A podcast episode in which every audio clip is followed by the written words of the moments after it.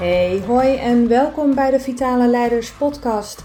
Mijn naam is Sandra Djukanovic en in deze podcast praat ik met mensen en over onderwerpen zoals vitaal leiderschap, bevlogenheid, persoonlijke groei en ontwikkeling, maar ook over wat jij en ik nodig hebben om te floreren in werk en leven, over wat ons drijft en hoe we volhouden als het even wat moeilijker gaat.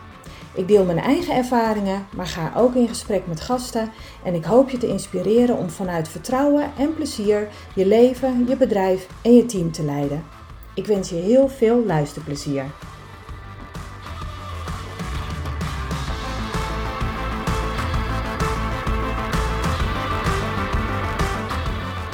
Hey, leuk dat je luistert en welkom bij deze aflevering waar ik het ga hebben over verschillende generaties binnen je team, binnen je afdeling of binnen je organisatie. Um, van de week kwam ik ehm, in gesprek met een uh, directeur van de organisatie en ik ben met uh, een medewerker van hun bezig met een um, outplacement traject. En deze medewerker die valt zeg maar in, in de generatie, um, nou net, net na de babyboomers kan ik wel zeggen. 54 jaar. En we kwamen uh, in het gesprek op de reden waarom hij nu ook bepaalde uh, strubbelingen in zijn werk ervaart, uh, waardoor het is gaan, gaan knellen, waardoor er op een gegeven moment heel veel emotie is gaan spelen, zijn hele werkgeluk en werkplezier is er eigenlijk aangegaan. En we kwamen tijdens het gesprek op de reden waarom dit dan ook heeft kunnen ontstaan. En er zijn er natuurlijk een hele hoop redenen. Maar een van de uh, dingen wat bij hem in ieder geval speelde, was um, de manier van omgaan met elkaar en hoe je jezelf verhoudt op de werkvloer um, en uh, tegenover collega's, um, aan de telefoon, onderling. En uh, het botste heel erg tussen hoe, hoe die medewerker daar zelf in staat en um, sommige collega's. En wat opviel was dat het, het verschil tussen hem en uh, sommige collega's voor een deel ook gewoon een leeftijdsverschil is. Dus even heel gechargeerd kreeg je uh, oud tegenover jong. Um, en dat hoor je natuurlijk wel vaker in, uh, in organisaties, dat de oudere generatie ja, een beetje afgeeft eigenlijk op de jongere generatie. Want uh, de jongere generatie neemt dan niks, niks aan, eh, is eigenwijs, wil alles zelf doen, denken dat ze heel wat zijn. En dat zijn ook vaak geluiden die ik dan vaak hoor. Um, terwijl de jongere generatie over de oudere generatie denkt van, ja, die zijn al, hè, die zijn vastgeroest in, in, hun, in hun vak, gaan niet met de tijd mee. Um, zijn niet vernieuwend, maar juist heel erg ouderwets. Um, zijn niet meer in staat om bepaalde dingen te leren of, of kunnen moeilijk meekomen. Ze snappen er niks van. Um, en dan krijg je eigenlijk twee verschillende groepen tegenover elkaar te staan. En dat kan voor ontzettend veel spanning zorgen.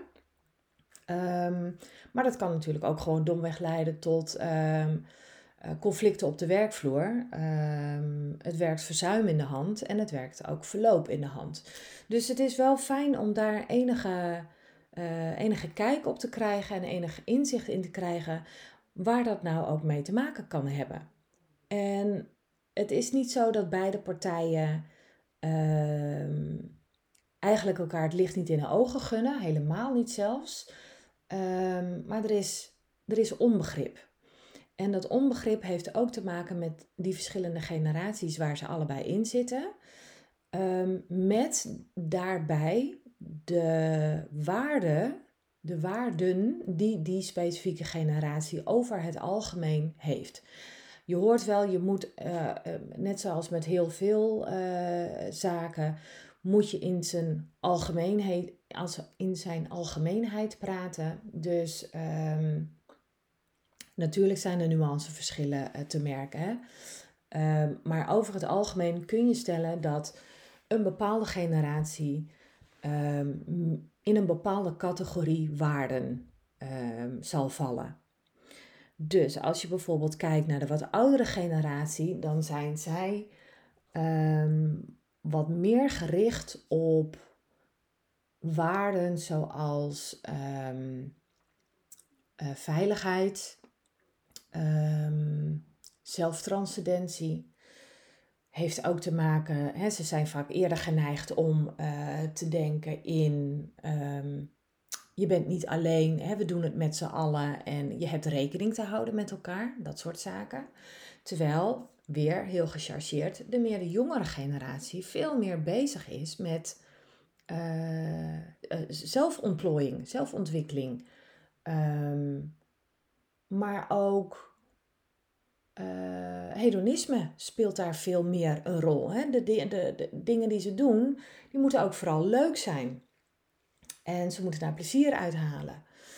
Um, en wat je dan eigenlijk ziet, is dat um, je niet alleen een, een, een, tegenstelling krijgt tussen jong versus oud, maar ook tussen um, hoe ze qua waarde eigenlijk lijnrecht tegenover elkaar lijken te staan. En dat zorgt voor verwarring en onbegrip. Want elke generatie laat zich dus ook op een bepaalde manier uh, beter aanspreken en beter motiveren. Iemand die meer aan de, um, aan de veiligheidskant zit, die vindt dat belangrijk in zijn werk. Dus die is. Um, en die vindt een, een, een, vaste baan belangrijker. Die vindt um, lange tijd hetzelfde doen, uh, vaste contracten, uh, ook langdurige uh, dienstverbanden. Dat, dat wordt belangrijk gevonden omdat daar ook een gevoel van, van veiligheid en zekerheid aan te ontlenen valt. Um, en de jongere generatie zal dan meer geneigd zijn van, nou nee, als ik het hier niet meer leuk vind, dan ga ik gewoon ergens anders naartoe. En um, desnoods spaar ik gewoon zodat ik een jaar ertussenuit kan. En die zijn niet bezig met een, met een eventueel pensioengat wat wordt opgebouwd. Of um, het idee dat er misschien een, een hypotheek niet te betalen valt. Um, die re reageren veel meer vanuit, uh, vanuit het moment. en als mijn geld op is, dan uh, neem ik daar en daar wel een baantje. Zodat zodat ik weer wat geld heb gespaard en weer mijn volgende reis uh, kan vervolgen. En dus daar zit veel meer vluchtigheid, veel meer onzekerheid ook in. In de ogen van de uh, oudere generatie. De jongere generatie die vindt dat anderen juist heel erg um, ja, beknellend en, en, en nou, termen als vastgeroest en niet meer flexibel en dergelijke. Ja, dus die vinden dat juist eerder een, een, uh, ja, een soort sch een schrik scenario eigenlijk, een, een horror scenario. Nou, we moeten niet aan denken om nu al te weten wat ik de komende 40 jaar ga doen. Um, nogmaals, het is allemaal heel gechargeerd, hè? maar het geeft wel een inkijkje in hoe er met de verschillende groepen, met verschillende generaties en dus met verschillende waarden omgegaan kan worden en hoe je um, elkaar daar ook op kunt aanspreken. Waarden um, zijn belangrijk als het gaat om motivatie. Als jij je team moet uh, motiveren, dan, is, en dan kun je dat doen met eh, de zogeheten uh, wortel of met de zogeheten zweep. Oftewel de intrinsieke motivatie aanboren. Um, of juist extern motiveren. En dat is ofwel de beloning voorhouden, ofwel met de zweep erover. Hè, dus als je het niet doet, dan. Dan heeft, dan heeft dat bepaalde gevolgen. En als je het wel doet, dan heeft dat ook gevolgen, maar dan, um, dan krijg je dus die beloning. Als je in dat soort termen um, blijft denken qua motivatie, dan beperk je jezelf daar enorm mee. Want als we kijken naar hoe mensen zich het beste laten motiveren, kun je weer teruggrijpen op die zelfdeterminatietheorie. Dus dan kun je gaan kijken van, geef ik mijn medewerkers voldoende uh, autonomie? Um, sta ik uh, goed genoeg met ze in verbinding? Is het, ligt het werk ook in verbinding met wat zij willen? En um, zet ik ze in op de juiste, um, ja, op hun juiste uh, talenten? Maak ik goed genoeg gebruik van hun sterke kanten? Wij vinden het als mens ook gewoon fijn om ingezet te worden op datgene waar we goed in zijn. dus als je daar een combinatie in gaat zoeken naar verschillende vormen van motivatie, verschillende generaties met daarbij de verschillende bijbehorende waarden, dan ga je zien dat ehm, gemotiveerd worden, wat in lijn ligt met dat stukje autonomie, autonome regulatie, dat waarden daaronder vallen. Dus weten welke generaties jij in je team hebt en weten welke waarden daarbij horen, ehm, kan jou helpen om die medewerker ehm, specifiek te motiveren op dat stukje waarde wat die persoon dan heeft. Dus de oudere medewerker, daar zal je andere dingen tegen zeggen, omdat hij uit een andere generatie komt en dus andere waarden heeft en dus zich op een andere manier laat motiveren. Op inhoud, hè? want ehm, de jongere generatie kun je ook motiveren op waarden, maar dan zeg je andere dingen, omdat zij andere dingen belangrijk vinden in het leven. Dus daar kun je op een gegeven moment mee, uh, ja, mee gaan spelen en de juiste tone of voice zeg maar zoeken en, en, de, en de juiste uh, woorden erbij pakken om verschillende medewerkers in je team um, toch te motiveren om ook die bepaalde uh, resultaten en bepaalde doelen te halen. Dus het is slim om te gaan kijken naar hè, op het moment dat jij in gesprek bent met je medewerkers van hey, hoe schat ik deze persoon nou in? Um, welke dingen vindt hij of zij uh, belangrijk? Welke waarden um, uh, kunnen daarbij uh, bij passen? Welke generatie is het dan eigenlijk? Nou ja, en de verschillende generaties. Um, mijn generatie, dat schijnt een soort van de patatgeneratie te heten. Natuurlijk verschuift dat ook. En je hebt nu bijvoorbeeld ja, de, de millennials, daar wordt natuurlijk van alles en nog wat van gevonden. Die zouden uh, te veel gepamperd zijn en, en nog steeds worden. Die zijn niks gewend. Um, maar ga eens kijken naar welke waarden die generatie dan eigenlijk um, het meest belangrijk vindt. En ga daar dan je motivatie op afstemmen. Leer, leer eigenlijk de taal van, uh, van je medewerkers kennen. Uh, ga na wat, wat zij belangrijk vinden uh, in het leven. En ga daar dan de juiste um, motivatievormen bij zoeken en, en uh, uh, pas je taalgebruik daarop aan. Dus kijk naar, naar welke woorden je daarvoor moet gebruiken um, en wat, wat ze triggert. Dus je doet er goed aan om eens in kaart te brengen wat voor soort generaties je eigenlijk allemaal binnen je bedrijf hebt of binnen je team hebt. En, um, en welke waarden daar, uh, daarbij passen. En ga daar de motivatie op afstemmen. Dat maakt het stukje um, onbegrip en, en verwarring en miscommunicatie een heel stuk kleiner.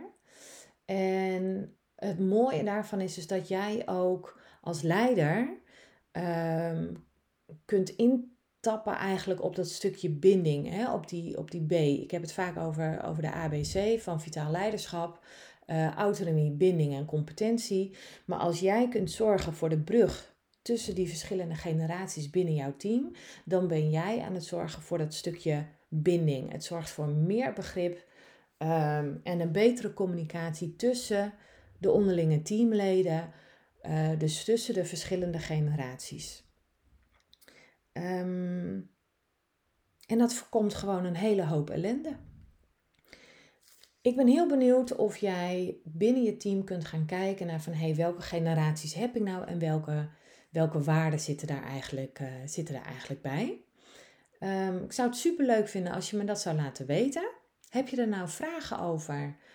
Um, stuur me een bericht. Dan ga ik in een, in een volgende podcast ga ik die vragen ook behandelen. Ik kom er bij je op terug. En tijdens de online masterclass die ik uh, maandag 30 augustus uh, geef, kun jij je gratis voor inschrijven. Het is van half acht tot negen uur.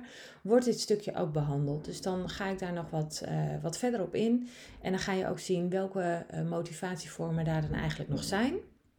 En hoe je daar dan verder op kunt, kunt inspelen. Dus dan ga je ook echt die verbinding maken. Dus van hé, hey, dit zijn de generaties. Dit zijn de waarden die daar eventueel bij zouden kunnen passen. En op deze manier kan ik mijn motivatievorm daarop aanpassen. Um, geheel gratis, dus schrijf je daar vooral in. Je krijgt na de hand ook gewoon de opname achteraf thuisgestuurd per mail. En ik heb um, in PDF-vorm als bonus voor je um, leuke takeaways. Dus dan heb je nog eens eventjes echt de kernpunten van de hele presentatie voor je op een rijtje. Inschrijving kun je doen via mijn website sandrajukanovic.nl. Ik wil je voor nu heel hartelijk danken voor het luisteren. Stuur me een berichtje als je de generaties hebt weten te duiden. Um, en dan uh, pak ik dat de volgende keer eens een keer mee. Voor nu hartstikke bedankt voor het luisteren en uh, tot de volgende keer. Dag!